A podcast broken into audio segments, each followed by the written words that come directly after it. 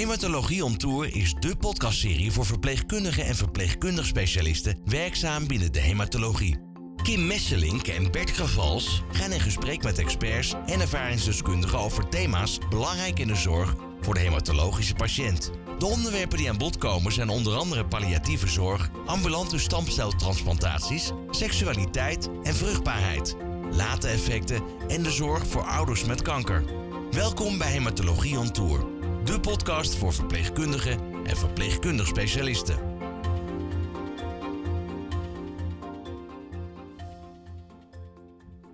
In deze podcast komen we te weten wat er wordt verstaan onder integrative medicine, wat de meerwaarde van deze zorg is voor oncologiepatiënten en waar je als verpleegkundige, maar ook als patiënt betrouwbare informatie kan vinden. Hoi Bert, Hoi Kim. we zijn vandaag in Arnhem bij Ines. Zou je haar kunnen voorstellen? Ines van Rozenstiel is kinderarts, heeft lang op de kinderintensive care gewerkt en is pionier als arts in de integrative medicine. Ze heeft Polis Integrative Medicine opgericht bij de oncologieafdeling van het Hagen ziekenhuis in Den Haag en het Rijnstaat en Arnhem en krijgt tegenwoordig veel bijval uit andere ziekenhuizen. Ines, eigenlijk als allereerste vraag, wat is precies integrale geneeskunde? Dat is, dan beginnen we direct al goed, want integrale geneeskunde is weer in Nederland iets anders dan integrative medicine. Dus het is voor mij, denk ik, goed om bij mijn eigen integrative medicine te blijven, want dat is een internationale definitie die inmiddels 20 jaar oud is.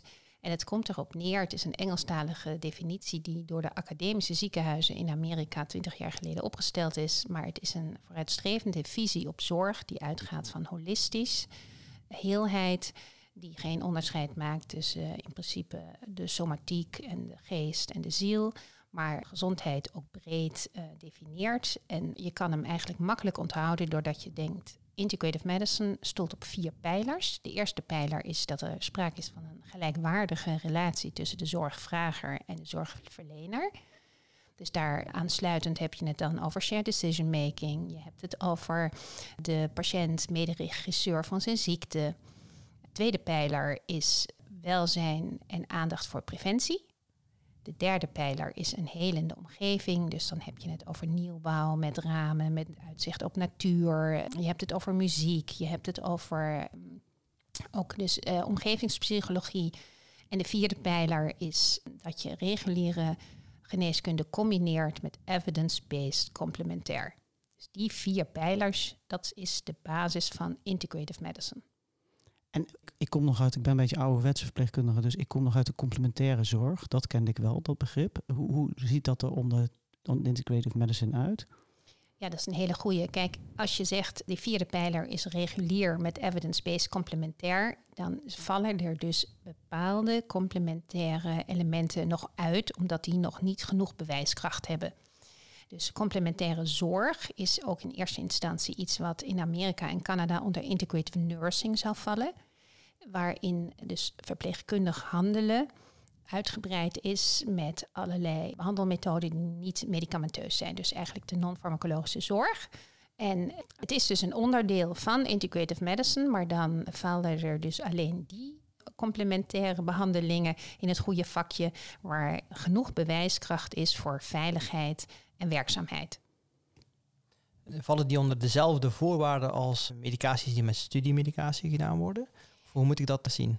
Ja, in principe is het zo dat als je de grade-gradering aanhoudt, dat je dus in de literatuur kijkt van wat is de hoogste bewijskracht en dan iets lager. Nou is het zo dat je bepaalde complementaire behandelingen minder makkelijk in een RCT uh, doet. Dus ik zeg altijd, waarschijnlijk is het zo dat met name in de oncologie de medicatie veel strenger nog bekeken wordt, omdat daar echt de RCT's de zeg maar, uh, hoogste bewijs gaat hebben. Alhoewel, als je kijkt naar integrative oncology, dan zijn er zes elementen die in ieder geval dusdanig goed onderbouwd zijn qua werkzaamheid en veiligheid, dat die er wel aan kunnen tippen. En waarom is het überhaupt integrative medicine belangrijk volgens jou? Ja, ik denk dat het echt de nieuwe manier is van uh, hoe wij als artsen en verpleegkundigen onze zorg zouden moeten doen. Omdat als je kijkt hoe het zeg maar, door de loop van de jaren geworden is, dan is er toch een bepaalde vorm van reductionisme opgetreden. En lijkt het wel alsof jonge mensen nu eh, medicijnen studeren in plaats van geneeskunde. Dus je ziet dat bijvoorbeeld in de oncologie natuurlijk veel meer mensen overleven dan een paar jaar geleden. Uh, dat komt natuurlijk dat begrip survivorship uit voort. En dan wordt kwaliteit van leven wordt steeds belangrijker. In mijn ogen is dat altijd al belangrijk geweest, maar omdat er steeds meer mensen kanker toch hebben overleefd, meer een soort chronische ziekte nu hebben, waar ze nog wel degelijk last van bijwerkingen van de behandeling hebben. Daarop, dat is echt het gebied waar integrative oncology heel veel kan toevoegen, wat echt een verrijking is met de complementaire zorg. En heb je het idee dat er op dit moment in opleidingen verpleegkunde daar genoeg aandacht voor is? Op dit moment is er echt nog een lacune. Um, wat ik merk, ik ben dan zelf in Amerika opgeleid in integrative medicine.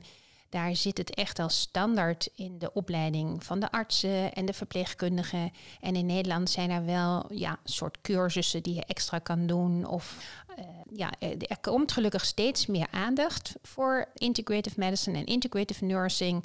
En ik ben ook blij dat ik daar zelf ook een bijdrage aan kan leveren. Echter, daar hebben we echt nog een wereld te winnen. Ja, in ons vorige gesprek gaf je al aan dat Nederland eigenlijk heel laag scoort op die kaart van uh, hoeveel integrative medicine er in de praktijk wordt uh, toegepast. De pijlers waar je het over had, was ook een stukje preventie. Ja, ik ken ook culturen waar preventie veel aanwezig is, net als in China bijvoorbeeld. Kan je daar iets over vertellen? Ja, ik word eigenlijk heel blij dat er nu meer aandacht is voor leefstijlgeneeskunde en preventie. Gelukkig, omdat een deel van integrative medicine is natuurlijk ook uh, voeding, beweging, ontspanning en slaap. En überhaupt kijken naar kanker. Wat kunnen we zeg maar preventief doen aan uh, hoe we eten en hoe onze leefstijl is, wordt gelukkig steeds meer gezien. Ik word dus ook blij als ik uh, zo'n mooie dia eh, die ik laatst zag bij het Radboud ziekenhuis van uh, leefstijl is een onderdeel van onze behandeling. Dat zou je vijf jaar geleden nog niet zo zichtbaar hebben gehad. Dus ik ben blij met deze ontwikkeling. En als je kijkt naar ook meer het soort politieke, strategische veld is dan leeft, is het makkelijker in Nederland om leefstijlgeneeskunde over de bühne te brengen dan integrative medicine. Aan de andere kant moet ik zeggen dat ik in de laatste vijf jaar veel mensen heb ontmoet, zowel verpleegkundigen als artsen, die een extra opleiding zijn gaan doen. Verpleegkundigen bij het STIBIG. Dat is een post-HBO-opleiding voor Integrative Medicine. En die is goed vol elk jaar. En ik heb daar recent ook uh, weer les mogen geven. Hele enthousiaste verpleegkundigen die niet alleen de kennis en kunde van Integrative Nursing, Integrative Medicine leren, maar ook hoe ze het dan echt kunnen implementeren in de ziekenhuizen waar ze dan werken.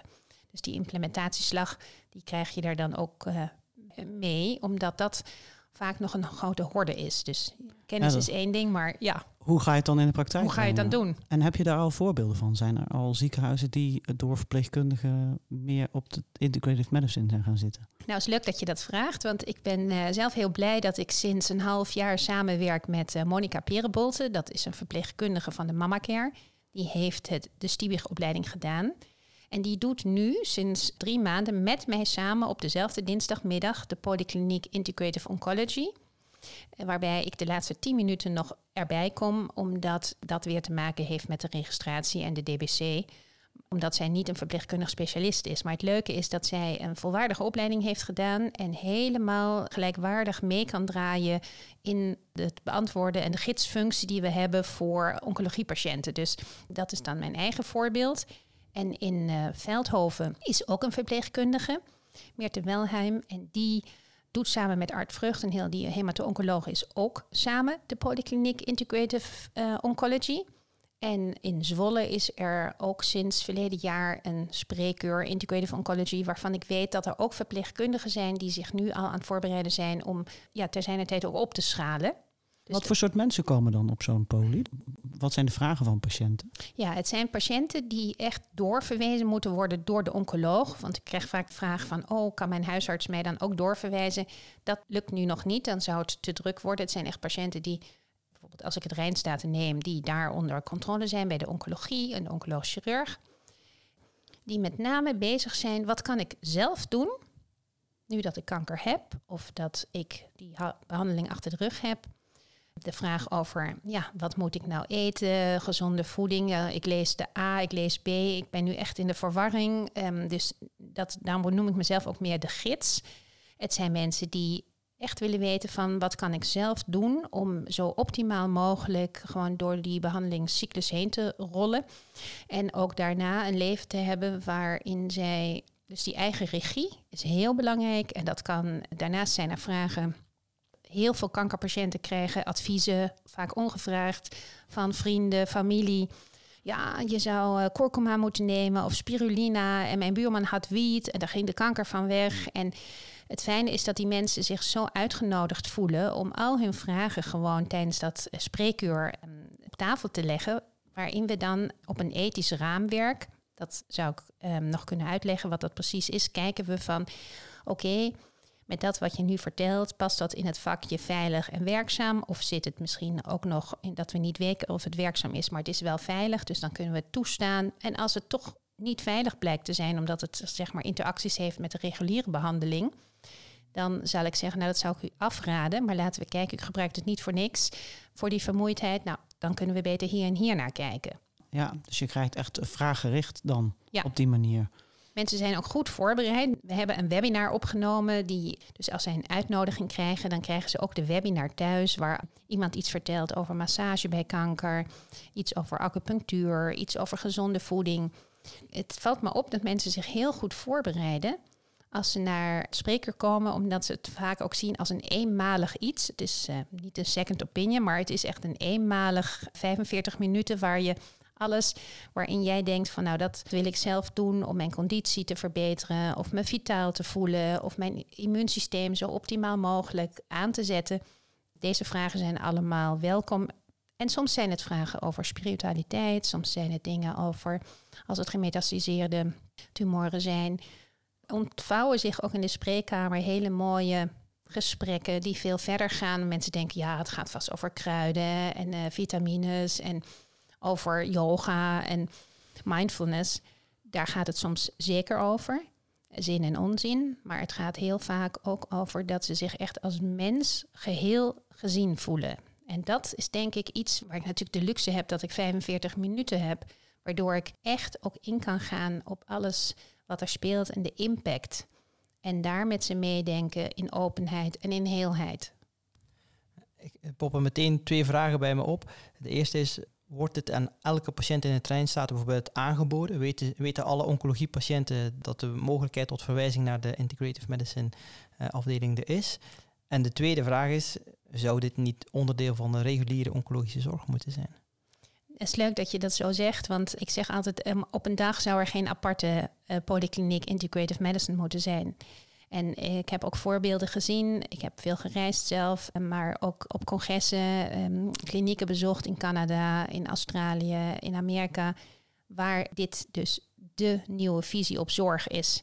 En waarin alle zorgverleners deze kleur ook uitdragen.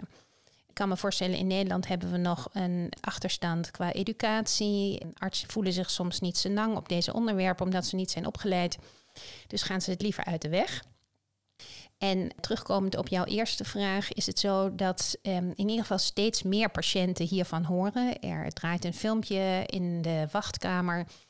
Ik heb laatst een keer een lezing gehouden in een huis, het Toon Hermanshuis, het Braamhuis. En toen waren er ook patiënten die zeiden, ik hoor dit voor het eerst. Dus het, het, heeft ook nog het uitdragen dat het er is, wordt met name ook door de verpleegkundigen gedaan, want die krijgen uiteindelijk veel meer de vragen, denk ik vaak, dan de oncoloog. Ja, want zo'n behoefte aan zo'n spreekuur is er ook omdat het niet kan besproken worden met oncologen? Of ben ik nu te simpel?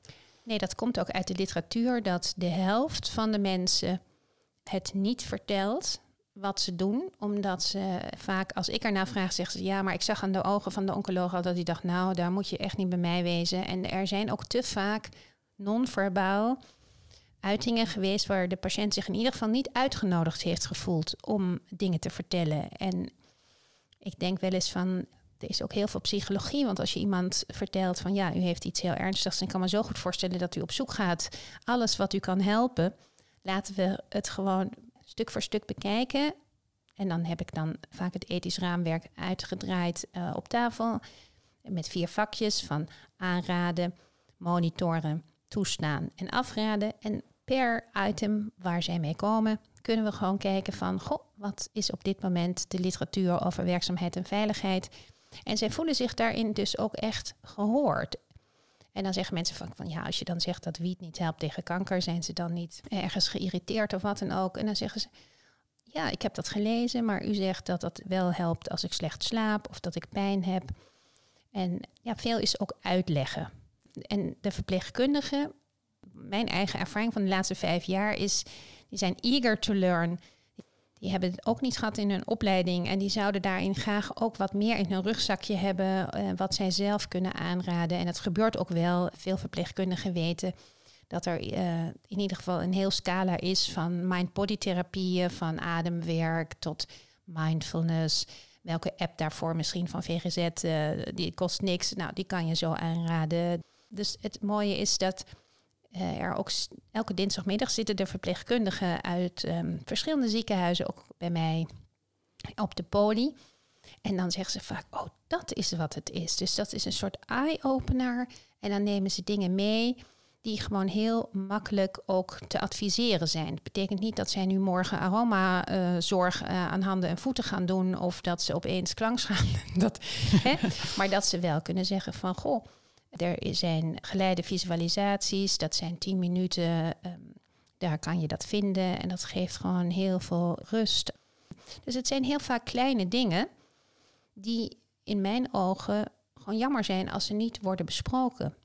Ja, wat zouden nog meer? Want je zegt geleide visualisaties. Ik ken inderdaad ook al apps uh, waar dat mee kan. Wat zijn nog meer dingen die we nu al in de rugzak uh, kunnen meenemen na het luisteren van deze podcast? Ja, ik denk dat voor iedereen, zeg maar op de gebieden gezonde voeding, beweging, ontspanning en slaap. Als we even teruggaan naar gezonde voeding. Nou, het WKOF, dat heeft een folder en die heet Voeding bij kanker. Hartstikke regulier, maar het wordt gewoon niet elke keer benoemd. Komen mensen bij mij die zeggen, nou, het is nog nooit benoemd. Die mensen kunnen dat opvragen, het kost niks. Er zit een sticker bij van de leefwijze die, zeg maar, wordt aanbevolen als je kanker hebt of hebt gehad. De beweegnormen, uh, ja, normen klinkt altijd zo zwaar, maar gewoon dat je kan vertellen dat 150 minuten per week dus vijf dagen in de week 30 minuten bewegen. Maar dat, niet, dat hoeft niet per se fysiotherapie te zijn. Het is natuurlijk heel goed dat dat er is, oncofit en revalidatie. Maar ik heb het ook over tai chi. Wat ze vaak, oh zeggen ze, dan kan ik dat buiten doen in een groepje. Of ik kan yoga doen. Je verruimt de toolbox. Ja. En dat zijn dingen die ook echt goed onderbouwd zijn. En um, als het dan gaat over ontspanning, ontstressen, mensen die ook al, al jaren kanker hebben gehad en dan toch weer voor een scan moeten, zijn die week van tevoren echt, ja, is veel stress.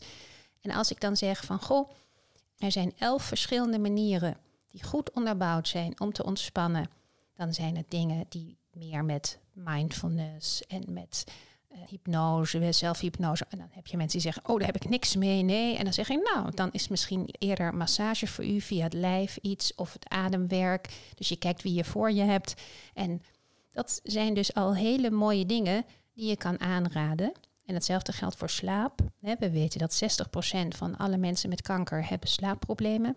En tuurlijk wordt er al gezegd over slaaphygiëne, maar het is ook goed om daarnaast dus ook andere vormen van relaxatie te noemen.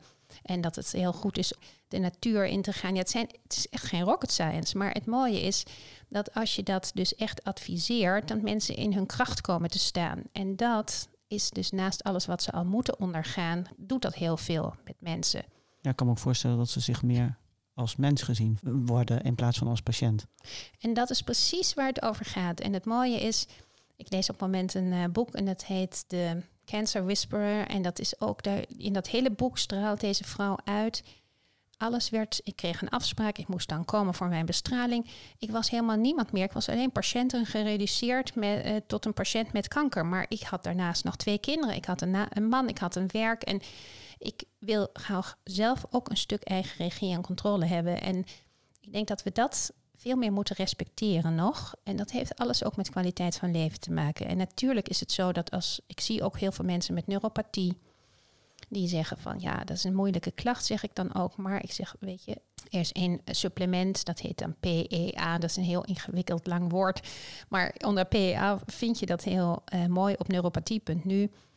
Ja, dat kan een supplement zijn wat nuttig is om dat drie maanden te gebruiken, omdat het bij een, nou ongeveer bij de helft van de mensen in ieder geval een verlichting geeft. En het is veilig. En dat zijn bijvoorbeeld dingen of opvliegers bij mensen met borstkanker die hormoontherapie hebben. Nou, acupunctuur is in 60% levert dat een bijdrage bij de afname van uh, de opvliegers. Um, nou, oh. Dat is dus heel mooi om te weten. En dat de verpleegkundigen in het ziekenhuis zeggen dus nu ook, als dit ter sprake komt, van goh, u zou daarvoor bijvoorbeeld ook acupunctuur kunnen gaan doen. in plaats van te stoppen met de hormoonbehandeling. Want dat is ook soms nog wel eens een keuze die er gemaakt wordt. Dat is heel mooi dat je dat zegt, want uit de literatuur blijkt eh, dat als je via een integrative medicine manier met de patiënt communiceert, dat het ook bijdraagt aan de compliance van de reguliere behandeling. En dat is denk ik iets wat heel belangrijk is, uh, dat het dus het is geen en-of verhaal, het is een en-en verhaal. En dat is ook het mooie wat ik de laatste vijf jaar zowel uh, op het spreekuur in, in het Hagen ziekenhuis als in het Rijnstaten heb ervaren. Dat zelfs mensen die uit het AVL naar mij werden gestuurd omdat ze geen chemo wilden, kregen ze toch een gesprek met mij dat ik zei, maar het is een en-en verhaal. Ik sta u bij, ik denk met u mee, maar we gaan wel die chemo doen. En die bijwerkingen waar u zo bang voor bent, laten we daar kijken hoe we die kunnen opvangen en hoe we die kunnen verlichten. En bij twee patiënten kreeg ik dus een uh, foto opgestuurd waar het infuus in de onderarm zat. Zo van, het heeft mij echt geholpen om over die drempel te komen, omdat ik dacht van ja, straks zijn die bijwerkingen dusdanig ernstig. En daar is dus echt de plek voor bepaalde complementaire behandelingen. En het zijn er niet zoveel, want ik, ik zei al, het zijn er maar zes. En uh, dus acupunctuur is met name voor de opvliegers en ook voor uh, misselijkheid en braken. En de verpleegkundigen hebben bijvoorbeeld in het Rijnstaat een protocol ontwikkeld waarin zij dus patiënten die op de afdeling oncologie zijn en de dagopname naast de medicatie die zij krijgen tegen misselijkheid ook zeggen van goh, maar weet je, dit is P6, dus hebben we een filmpje. En kijkt u daar maar na, dat kan helpen om die misselijkheid te onderdrukken. Nou, hoe mooi is het? Je zet iemand in zijn eigen kracht. Je doet niets met die andere medicatie die ze toch al krijgen, maar ze hebben zelf iets wat ze kunnen doen. En ja, dat, heel, heel belangrijk, hè? die eigen regie. Ja, ja, en dat vinden ze dus ook heel fijn. En zij willen ook heel graag gegidst worden door de verpleegkundigen. Dus het is aan ons om juist te investeren in dat stuk educatie van de kennis die er nu al is. En hoe voorkom je dat het, uh, want je krijgt natuurlijk nogal snel het label zweverig. Hoe, hoe voorkom je dat? Het is leuk dat je dat zegt. Ik heb uh, bijvoorbeeld mijn laatste patiënt was uh, iemand van de politie en die had prostaatkanker. Ik had het over mindfulness. En toen zei hij, nou, zegt hij, ik ben nou zo verwijfd door al die pillen. En nu begon, begint u ook nog over um, mindfulness. Ik zeg, nou, ik zal u even meenemen. Het leger in Amerika heeft integrative medicine omarmd. En ze hadden daar een mindfulness cursus. Nou, daar kwam echt niemand. He, want dat waren ook mensen die dachten, die GI's dachten, nou, dat is zweverig en uh, verwijfd. Toen was er een slimme psychologe en die noemde dezelfde cursus mental fitness. en mensen waren niet weg te slaan. Het was helemaal vol. En al die GI's die natuurlijk uh, gewend waren om te work-outen met die zware gewichten, hadden nu zoiets van, ja, maar wij gaan nu ook aan mental fitness doen. En dat was precies hetzelfde. Hè? Dus het is ook een heel kwestie van framing. En um, ik zeg wel eens tegen mensen, uh, mannen die bij mij komen, weet u, houdt u van vissen? Ja, ja, ja. Ik ga s ochtends vroeg op zondagochtend ga ik vissen. En uh, ja, ik zeg, maar weet u wat u dan doet? Dan bent u eigenlijk al heel erg mindful bezig. Want u kijkt naar die dobber en daar richt u zich op. Dat is een concentratiemeditatie. Maar dan heb je echt hele leuke gesprekken. Dus ik ben inmiddels wel zo dat je zoekt de aansluiting met degene die voor je zit. En als dat een hele stoere man is, dan begin ik niet over yoga als zodanig. Maar ik zeg, maar, moet u toch zeggen, yoga is ook een manier waarin u ook, hè, omdat u zo vermoeid bent, kunt bewegen. Maar dat u daar ook van merkt dat u daar een bepaalde rust ervaart. En ik heb een netwerk kunnen opzetten. En toevallig is degene die de mindfulness en de yoga geeft, is een man. die ook twee keer zelf kanker heeft gehad, een bioloog, heel wetenschappelijk. En dat loopt echt heel erg goed. Dus dan komen die mannen weer terug en zeggen, nou, was wel een goede tip die we gehad. Ik vind het zelf niet zweverig. Het is ook keiharde evidence. Er zijn natuurlijk meer vrouwen die borstkanker hebben, die hebben wat meer met yoga. Aan de andere kant is het zo dat dat ook niet een invulling van ons moet worden. Het is echt een open vraag aan degene die voor je zit. En ik heb ook gemerkt, als het gaat over Tai Chi bijvoorbeeld, dat mensen die zich al, die wat broos zijn, dat die zeggen van het heeft me zo goed gedaan om dus Tai Chi met een groepje te doen in de buitenlucht. En dan denk ik, ja, dan pak je dus een heleboel elementen mee. En dat doet niets af aan die reguliere behandeling. Maar wat je doet is dat je de kwaliteit van leven echt centraal stelt. En dat je de complementaire behandelingen aan laat sluiten bij de reguliere. Ja, wat ik merk in heel veel centra wordt bijvoorbeeld standaard de diëtist wel ingevlogen bij de kankerbehandeling en de fysiotherapeut. Maar dat, dan ben je het overzicht een beetje kwijt. denk ik, als behandelaar zeg je van kijk, ja, we gaan jou een heel pakket aan behandelingen geven. En dan moet je ook nog even bij de diëtist langs en bij de fysiotherapeut. Maar bij wie kan die in die centra terecht voor uh, yoga bijvoorbeeld? Ja, kijk, mijn eigen ervaring is, ook in de gesprekken met de diëtisten, dat met name de oncologiepatiënten die uh, heel erg afvallen, dus de longkankerpatiënten, KNO-problematiek, uh, dat die met name bij de diëtisten komen. En dat de overgrote groep die juist aankomt aan gewicht met borstkanker, dat die nog niet standaard worden verwezen. Dus daarvoor is gewoon zo'n tip als het WKOF, waar natuurlijk ook het boek Voeding en Kanker op, hè, dus, dus is dezelfde bewijsvoering, zijn dezelfde bronnen heel erg mooi. En sommige mensen zijn vegetariër en die zeggen van ja, maar ik voel me niet zo lang bij die diëtist in het ziekenhuis. En dan zeg ik nou, dan is voor u misschien de website van de natuurdiëtisten iets waar u zich aan kunt wenden. Of je hebt ook tegenwoordig iets dat heet The Right Meal. Daar kunnen mensen drie keer een e-consult bij de diëtisten doen. En dat gaat ook om gezonde voeding tijdens en na kanker. Dus wat Integrative Medicine doet, is dat hij die toolbox iets verruimt. Er zijn heel veel mensen heel blij met de fysiotherapie, oncofitness. En anderen die zeggen, heeft u een goede yoga-docent? En het mooie is dat de professionalisering, sindsdien wij dus echt integrative medicine in het ziekenhuis zijn gaan doen, heeft degene die massage bij kanker deed nog een vervolgopleiding gedaan. En degene die dus de yoga deed, die heeft een eigen opleiding opgezet voor yogatherapeuten, yoga bij kanker. Dus echt herstel yoga. En de eerste 15 yogadocenten in deze regio zijn nu net afgestudeerd.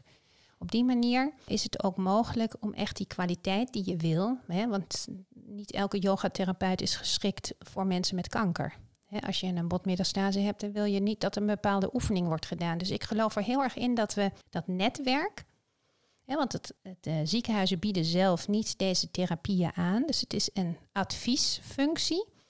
En dan gaan mensen het buiten het ziekenhuis, gaan zij dus die behandelingen doen, maar wel in een oncologie-netwerk waarin dus in ieder geval voor de regio Rijnstaten en Nijmegen inmiddels die diëtisten, die natuurdiëtisten zijn ook aangesloten. En ook de herstelyoga-docenten en ook de acupuncturist. Dus het is een soort extra schil rond het oncologie-netwerk wat er al was gelegd. En het mooie is dat mensen soms zeggen, ja, ik kom uh, uit Amsterdam of uit Zutphen of ergens anders vandaan en daar is dat niet. En dan zeg ik van, nou, er is op het consortium, dus we hebben zes ziekenhuizen in Nederland hebben een consortium opgericht, integrale zorg en gezondheid. En daar hebben we voor heel Nederland zeven criteria opgezet die zeg maar nu nationaal omarmd zijn met wie je gaat samenwerken hè, en met wie niet. En het mooie is dat dat ook dus op de verwijsgids kanker nu uniform is geworden. En ik denk dat voor de mensen die deze podcast luisteren, dat het heel mooi is om ze te wijzen op dat er een patiënt is geweest die mij een groot geldbedrag heeft geschonken.